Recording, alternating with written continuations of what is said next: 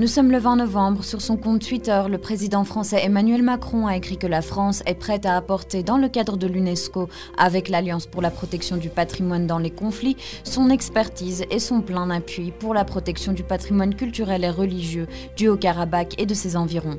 La signature de la cessation des hostilités entre l'Arménie, l'Azerbaïdjan et la Russie a conduit à la perte des territoires habités par les Arméniens au profit de l'Azerbaïdjan. Chouchi, la seconde ville la plus importante du Haut-Karabakh, se trouve donc entre les mains des forces azerbaïdjanaises. Les forces azerbaïdjanaises ont depuis endommagé et détruit des infrastructures du patrimoine arménien, certains datant de plusieurs siècles. C'est le cas notamment de la cathédrale blanche de Razan Chetsotz et récemment de l'église de Kanachjam, datant du 19e siècle et dont le dôme a été détruit par les Azerbaïdjanais.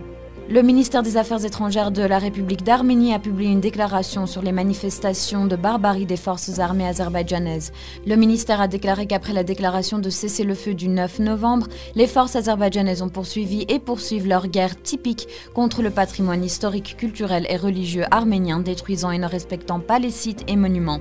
Ces jours-ci, la base des atrocités commises du côté azerbaïdjanais est une politique anti-arménienne initiée et encouragée par les dirigeants azerbaïdjanais depuis des décennies, qui vise toujours et surtout aujourd'hui à mener un nettoyage ethnique et un génocide contre les Arméniens d'Artsar, conclut le communiqué. Le premier ministre arménien Nicole Pachinian a eu une conversation téléphonique avec le président français Emmanuel Macron pour discuter de la situation dans l'Artsar et de la nécessité de remettre complètement sur pied le rôle des coprésidents du groupe de Minsk en charge des discussions pour la résolution du conflit du Haut-Karabakh depuis les années 1990. La question du retour en toute sécurité de dizaines de milliers de personnes qui ont fui leur foyer ces dernières semaines a été discutée et l'importance de la préservation du patrimoine religieux, historique et culturel de l'Artsar a été mentionnée. À cet égard, le Premier ministre Nicole Pachinian a souligné l'importance fondamentale de la reconnaissance internationale de la République d'Artsar. Le 19 novembre, le président de la République d'Artsar, Araik Harutyunyan, a organisé une consultation de travail élargie sur les questions des programmes d'assistance sociale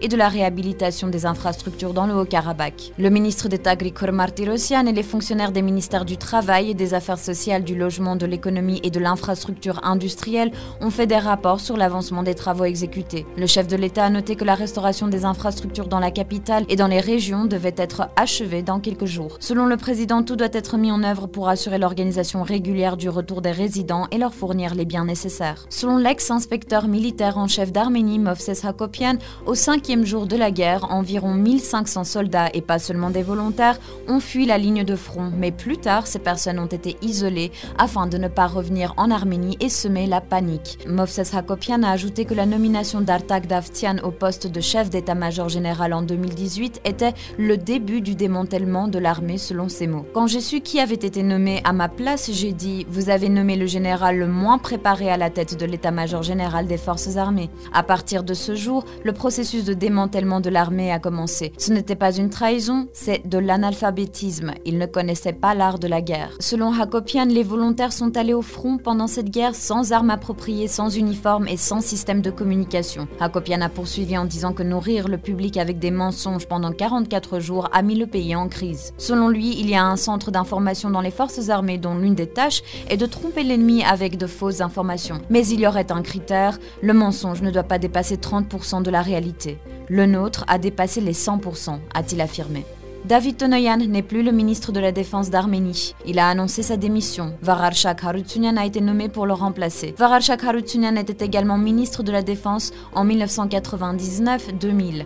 En août 2020, il avait été nommé conseiller en chef du Premier ministre de la République d'Arménie. En 1986, il a reçu le grade militaire de lieutenant général. Il a reçu également l'ordre pour les services à la patrie de la part de la République de l'Arménie, la République du Haut-Karabakh et de la Russie. La porte-parole du ministère de la Défense, Shushan Stepanian quitte également son poste. Celle-ci est originaire de la ville de Hadrut, située dans le sud du Haut-Karabakh et maintenant sous contrôle azerbaïdjanais. Dans une publication sur sa page Facebook, l'ex-porte-parole explique ses motivations. J'ai accepté le résultat de la guerre non seulement en tant que représentant du ministère de la Défense, mais aussi en tant que perte personnelle. Je pense qu'en cette période difficile pour la patrie, il est nécessaire d'avoir des fonctionnaires qui ne prendront pas des décisions sous le coup de l'émotion, mais qui regarderont les événements de manière professionnelle et travailleront à leur plein potentiel, quelque chose que je ne peux faire pour le moment. Dans le flot des démissions, la ministre du Travail et des Affaires sociales de l'Arménie, Zarouhi Batoyan, a également laissé sa chaise vide. Elle est remplacée par Mesrop Arakelian. Ce dernier est économiste et a occupé de hauts postes dans les banques arméniennes. Il enseigne l'économie à l'Université d'État d'Erevan depuis 2008. La Russie étend les capacités de son centre d'aide humanitaire dans l'Artsar. Selon le communiqué du ministère russe de la Défense, cinq centres supplémentaires ont été créés afin de résoudre l'ensemble des problèmes humanitaires du Haut-Karabakh. En particulier, des centres de déminage humanitaire,